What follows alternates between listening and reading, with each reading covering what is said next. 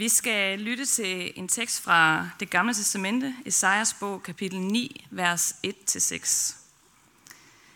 Det folk, der vandrer i mørket, skal se et stort lys. Lyset skinner for dem, der bor i mørkets land. Du gør jublen stærk, du gør glæden stor. De glæder sig for dit ansigt, som man glæder sig over høsten, som man jubler, når man deler byttet. For det tyngende å, stangen over deres skulder og slavefodens kæp, brækker du som på midjans dag. Hver støvle, der tramper i larmen, og kappen, der er sølet i blodet, skal brændes og fortæres af ild. For et barn er født os, en søn er givet os, og herredømmet skal ligge på hans skulder. Man skal kalde ham underfuld rådgiver, vældig Gud, evighedsfader, fredsfyrste. Stort er herredømmet, freden uden ophør over Davids trone og over hans rige, så han kan grundfæste det og understøtte det med ret og retfærdighed fra nu af og til evig tid. Herskars herres nidkærhed skal udvirke dette. Og det skete i de dage, at der udgik en befaling fra kejser Augustus om at holde folketælling i hele verden. Det var den første folketælling, mens Quirinius var stadholder i Syrien, og alle drog hen for at lade sig indskrive hver til sin by. Også Josef drog op fra byen Nazareth i Galilea til Judæa til Davids by, som hedder Bethlehem, fordi han var i Davids hus og slægt, for at lade sig indskrive sammen med Maria, sin forlovede, som ventede et barn. Og mens de var der, kom tiden, da hun skulle føde. Og hun fødte sin søn, den første fødte, svøbte ham og lagde ham i en krybbe, for der var ikke plads til dem i herberget. I den samme egen var der hyrder, som lå ude på marken og holdt nattevagt over deres jord. Der stod Herrens engel for dem, og Herrens herlighed strålede om dem, og de blev grebet af stor frygt. Men englen sagde til dem, frygt ikke. Se, jeg forkynder jer en stor glæde, som skal være for hele folket. I dag er der født jer en frelser i Davids by. Han er Kristus, Herren. Og dette er tegnet, I får. I skal finde et barn, som er svøbt og ligger i en krybe. Og med et var der sammen med englen en himmelsk herskare, som lovpriste Gud og sang. Ære være Gud i det højeste og på jorden. Fred til mennesker med Guds velbehag. Sådan lyder indledningen på juleevangeliet. Jeg har tænkt på flere gange her i efteråret, mens vi har haft valgkamp, det her fyndord, som vores tidligere statsminister Lars Lykke, han ligesom har kastet rundt med. Jeg peger ikke på nogen, jeg peger på noget. Det har I, kan I godt høre det sådan, det sagde han et par gange i løbet af, for ligesom at se, om han kunne redde sig tilbage i dansk politik, ikke? Og øh, jeg har tænkt på det flere gange, om jeg skulle tage det med i en, øh, i en prædiken, men jeg har altså gemt det her til juleaften nu.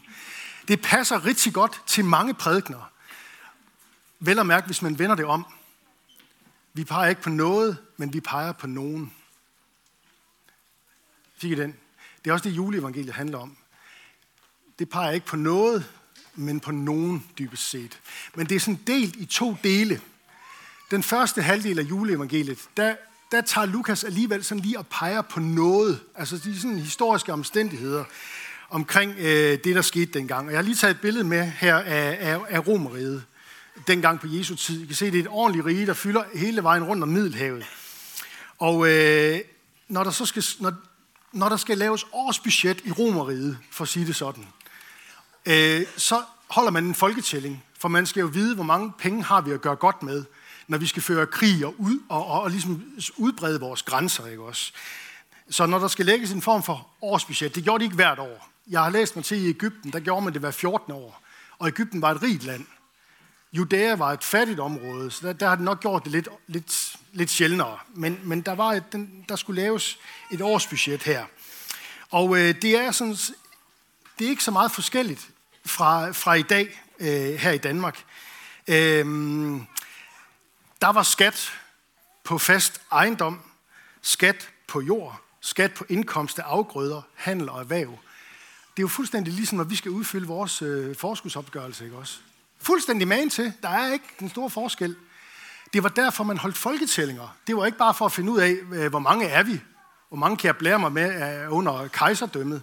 Nej, man holdt folketællinger, fordi man skulle finde ud af, hvad har jeg at gøre godt med i mit romerige budget, når jeg skal udvide, om jeg så må sige.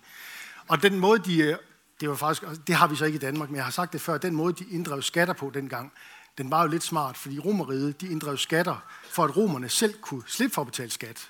Altså dem, der havde, dem, der havde romersk statsborgerskab, de skulle undgå at betale skat. Men det var alle dem, de havde erobret. Ikke også? Det svarer til, at vi vil ikke betale skat i Danmark, så erobrer vi i Sverige og Tyskland, og så får vi dem til at betale skat til os. Det er sådan pointen i det. Og det er derfor, man holdt folketælling. Så var der en ting, jeg, ikke, jeg var inde og tjekke på, hvad var det for nogle skattelister, man havde. Ikke også? Og der var simpelthen også noget, ved I hvad, man havde en specificeret skat på salt dengang. Er ikke mærkeligt? Der har vi jo trods alt kun 25% moms, når vi kører, når vi kører vores salt. Vi, vi lægger ikke engang mærke til, at det er beskattet, vel? Men, men dengang, der havde man en skat på salt. Det var, det var meget værdifuldt, og jeg har læst mig til, at, øh, at selv nogle af de romerske soldater, de fik nogle gange noget af deres løn udbetalt i, skat, eller i, i salt. Øh, det hed på latin sal, og der har vi ordet salær. Salær på fransk, eller på engelsk salary. Det kommer simpelthen af, at man har fået en del af sin løn udbetalt i salt. Så fik I lige den med. Der skal også være en til. I kan gå hjem og tjekke det på Google, ikke også? Nå, øh, men den, den er god nok. Altså, og jeg kan spørge Mette ad, fordi hun er bedre til latin, end jeg er. Men, men det, det hedder i hvert fald sal på, på latin, salten. Og det var simpelthen en del af, af lønningsposen. Og det er derfor, man skulle holde den her folketælling. Vi skal have nogle penge i kassen til budgettet i Romeriet. Så har vi så øh, det næste billede, og det er så, øh, jeg googlede, hvis man skal rejse fra Nazareth til Bethlehem. Og så var det altså det her, der kom op først. Så jeg tænkte, den er ikke helt op. Det tager to timer i bil. Og nede i venstre hjørne, der står der udforsk Bethlehem. Så det er sådan den nye, moderne udgave af Google Maps, ikke også? Ned igennem, øh, ned igennem til venstre der.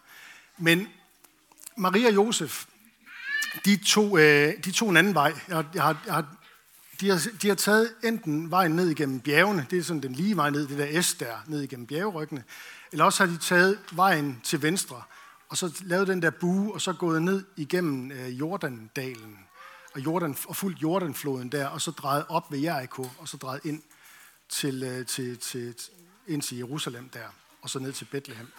Det er den vej, de har gået. Jeg tror, jeg har et, øh, et billede mere med af... Der går de. Kan I se det? Der går de. Ser det ikke idyllisk ud? Et maleri er også af den her lille familie, der er taget afsted. Øh, det har taget, der er 100, alt efter hvilken vej du tager, mellem 110 og 140 kilometer. Så vi kan regne ud, de var ikke sådan, det var ikke et hike, de var på, 50 km om dagen. Lad os bare sige 15 km om dagen. Så det har taget en uges tid at gå ned her, uden alt efter hvad for en vej man tog. Og øh,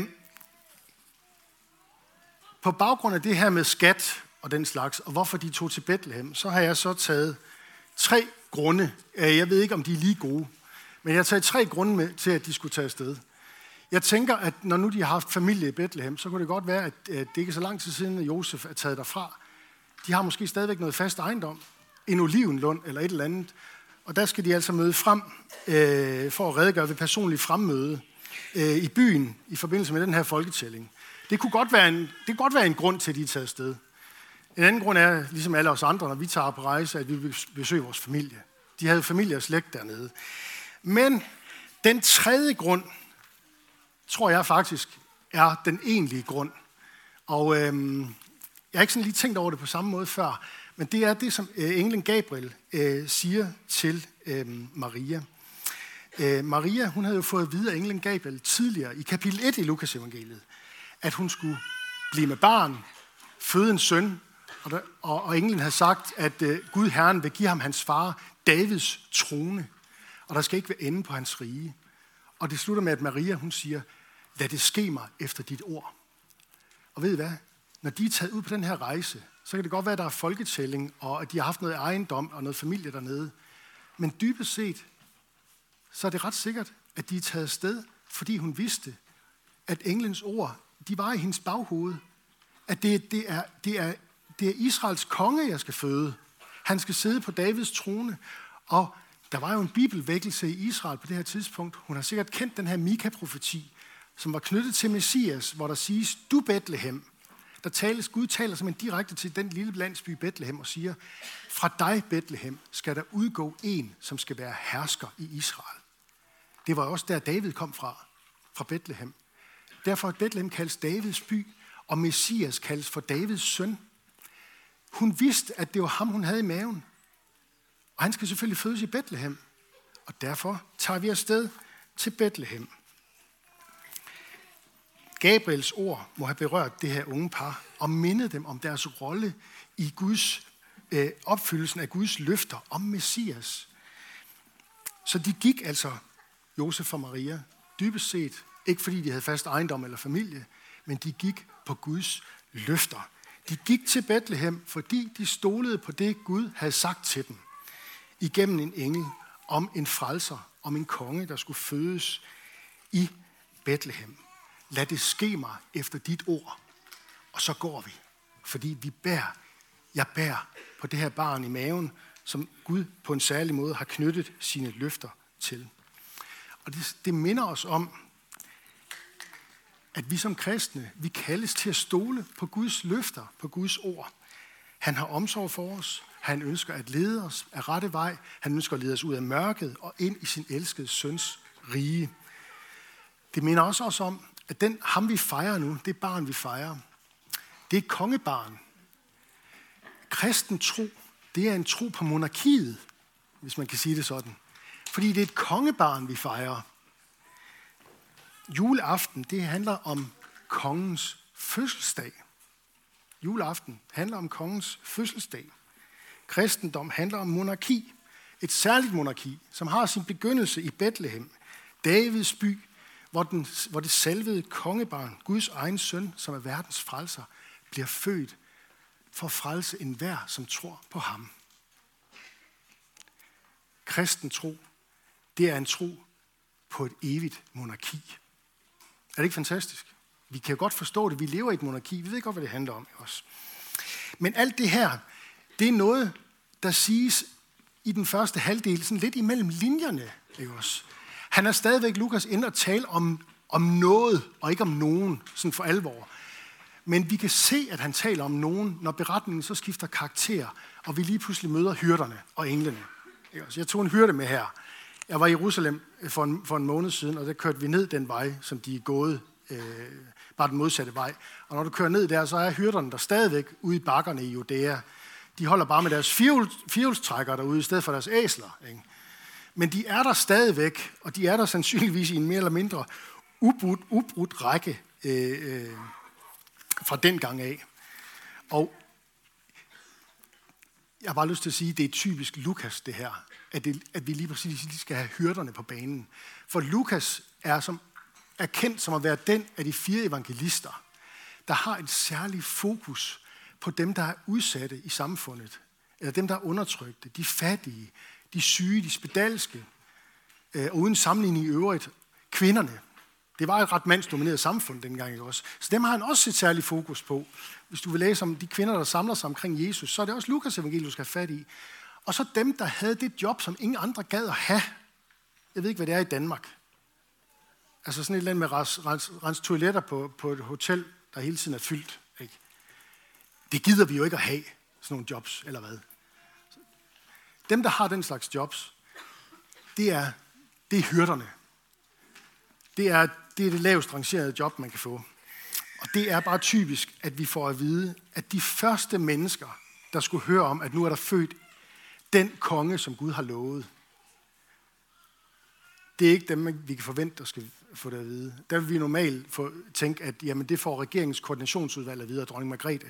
Ikke også? Eller Herodes og ypperste præsten, for at sige det på den måde, ikke? uden sammenligning i øvrigt.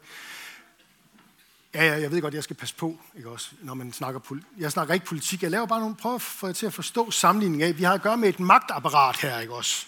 Ikke magtfuldkommenhed og sådan noget. Det var han god til, men nu skal jeg passe på at ikke gå ud af en tangent her, ikke også? Men Herodes, han får det ikke at vide. Herodes får det ikke at vide. Hvem får det først at vide? Ikke? Det gør hyrderne. Hvem fik først at vide, at Jesus var opstået fra de døde? Det gjorde kvinderne. Så der er sådan en, en, en, et særligt fokus på dem, der, der, der, der er sådan på kanten af samfundet, eller måske ikke har så meget at skulle have sagt. Og det synes jeg er stærkt. Så er der selve englens øh, budskab og, øh, til hyrderne, og det budskab, det hviler på en, en baggrund af en længsel, der var i folket. Øh, jeg, har taget, jeg, har taget, jeg har lige taget et pointe med omkring det her. En længsel, der var i Israels folk på det her tidspunkt. Gud havde jo lovet i det gamle testament, at han ville sende den her Messias, den salvede, eller det, der på græsk kaldes for Kristus. Han er Kristus. Herren, siger hørterne. Det lille barn er den her salvede, den her Messias. Og der møder vi altså i det samme kapitel hos Lukas to personer, der giver udtryk for den her længsel, som var i Israels folk på det tidspunkt. Den gamle Simeon, om ham hører vi, at han ventede Israels trøst. Og der er også en, der hedder Anna, som talte om Jesus barnet til alle, der ventede Jerusalems forløsning. Altså det, som vi har sendt Kirsten ud til at skubbe lidt på med, ikke også? Jerusalems forløsning. At, at mennesker der, det handler ikke om byen, men det handler om mennesker og menneskehjerter, der skal forvandles i mødet med Jesus, Messias. Og så står der i Lukas evangeliet kapitel 3, vers 15, nærmest sådan helt overskriftsagtigt, for den stemning, der var i Israels folk på det tidspunkt her, folket var fyldt af forventning. Så hyrderne, de har haft noget at hænge det her op på. De har nemlig haft et kendskab til Guds ord, og haft en længsel til, at Gud vil opfylde sine løfter. Og jeg tænker, der faktisk også er et kald til os i det her. Vi skal passe på med som kirke, at det her med den kristne tro ikke bliver løsrevet fra Guds ord og Guds løfter. Fordi så bliver det enormt tilfældigt, eller random, som det hedder på moderne dansk, hvad det egentlig er, vi tror, kristendom er. Det skal hele tiden holdes op imod, hvad Guds ord, Guds, ord, Guds løfter siger. Så det havde jeg lyst til lige at tage, tage med øh, til jer. Og så et, et, øh, en, en, en, en ting mere, jeg bare lige vil nævne ganske kort. Øh, Esajas, Esajas bog, som vi lige lyttede til, det har måske været en af de ting, de har kendt til. Jeg har hørt på vandrørene, at dem af, dem af os, der kommer til, til juleprædikenen i morgen, der kommer Morten til at udlægge det her øh, afsnit øh, meget, meget grundigt. Jeg vil bare lige nævne for jer det her, at Esajas siger, og det er jo i virkeligheden fuldstændig mindblowing eller vanvittigt, at han kan sige om det her messias barn. Et barn er født os, en søn er givet os. Man skal kalde ham underfuld rådgiver. Vældig Gud.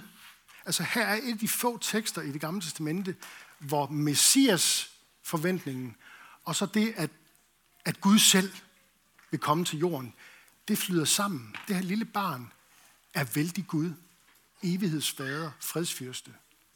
Det er i virkeligheden en tanke, der er så vanvittig, at vi burde sådan alle sammen tænke, hold da op, det er vildt det her. Men vi har bare vendet os til det. Men det burde vi gøre. Ikke, ikke sådan slå hinanden i hovedet med, men vi skal altså, finde ind i den der, det der mysterium, den der hemmelighed, og så den der længsel, som er knyttet op på, at Gud rent faktisk, det her, det er jo sagt 700 år før Jesus kom. Det er helt vildt. 700 år før han kom, der siger Gud det her. Og det går bare i opfyldelse i detaljer. Jeg synes, det er fantastisk. Jeg synes, det er, jeg synes, det er trostyrkende. Guds løfter kan virkelig løfte øh, vores tro op på en ny dimension. Og så vil jeg sige øh, omkring det her med, øh, vi kan bare lade det stå det her, men, men, men, men jeg vil bare lige minde om, der sker nogle ting i Jesu liv, når han bliver voksen, som skal forstås på baggrund af, at han er den her Messias, som er vældig Gud. Tænk bare på, når Jesus, han, når Jesus trådte frem og underviste, hvad sagde han så? Så siger han, men jeg siger jer. Hvad ville en profet have sagt? Hvad sagde profeterne? Hvad sagde rabbinerne? De sagde, så siger Herren. Og så kommer Jesus, og han siger, men jeg siger jer. Hov, hov. Hvad er det for en autoritet, han taler med? Hvad er det for en myndighed? Det kan han kun gøre, fordi han er Gud selv. Eller tænk på, hvordan han helbreder folk, hvordan han tilgiver synder. Der var en gang, hvor han, til, han sagde til en, dine synder er der tilgivet. Og så folk omkring, de stiller sig op sådan her og siger, hov, hov, hvordan kan han tillade sig det? Og det gjorde de egentlig med god grund, fordi de havde læst i det gamle testamente. Det er jo kun Gud, der kan tilgive synder. De skal bare lige have forbundet linjerne. At det er Gud, de har med at gøre, når de møder, det er Gud, vi har med at gøre, når vi møder Jesus. Eller tænk på det her billede, vi har her i kirken, hvor han stiller stormen på søen. Han rejser sig op, og så, så kommanderer han øh, søen til at blive stille. Han stiller stormen der. Igen, i Bibelen, i det gamle testamente, der er Gud den eneste, der er herre over naturens kræfter. Så når Jesus med sit ord styrer naturen, jamen igen, det er fordi han er vældig Gud. Det er Gud selv, der er blevet ligesom os. Tænk sig, det er kristentroens evangelium juledag, at det er Gud selv, der er blevet ligesom os. Der står om disciplene, både i båden og også hyrderne på marken, at de blev grebet af stor frygt. Og flere gange hører vi menneskeskaren, når Jesus han laver sådan nogle ting her, at de siger, hvem er dog han, at både storm og sø adlyder ham? Jeg ved hvad, vi har svaret her juleaften, i juleevangeliet fra englene. I skal finde et barn, der er svøbt og ligger i en krybbe. Han er Messias. Han er den salvede, han er Kristus. Og så er han Herren selv. Og Herren, det er jo Guds eget navn.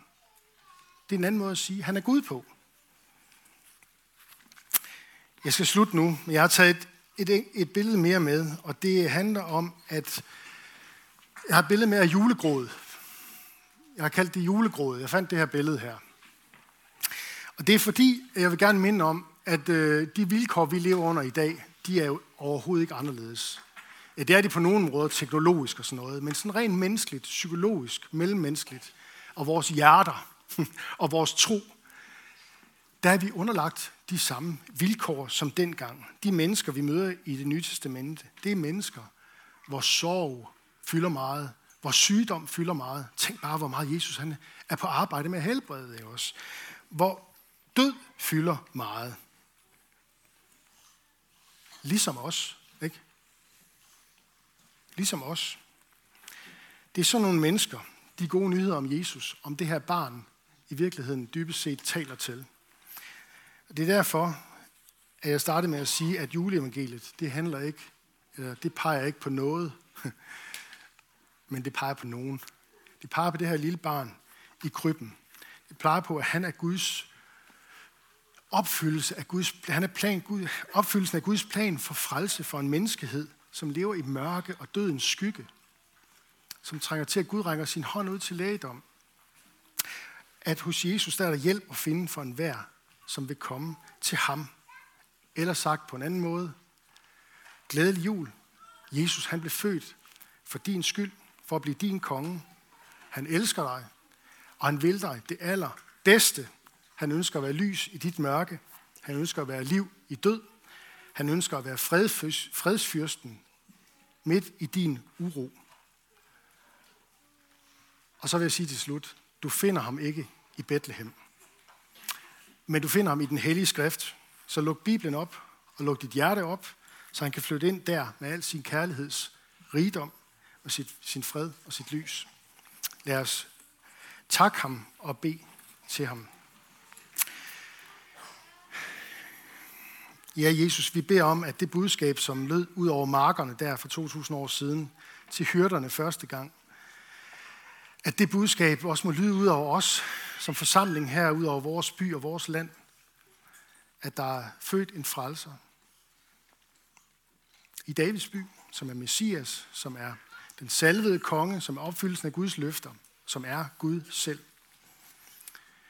Og Jesus, tak fordi du ønsker at være frelser og lys i vores liv, i vores mørke. Tak for det fællesskab, du har sat os i her. Tak fordi vi kan fejre julens glædelige budskab sammen. Tak fordi vi kan fejre det nu i lovsang og tilbedelse af dig. Amen.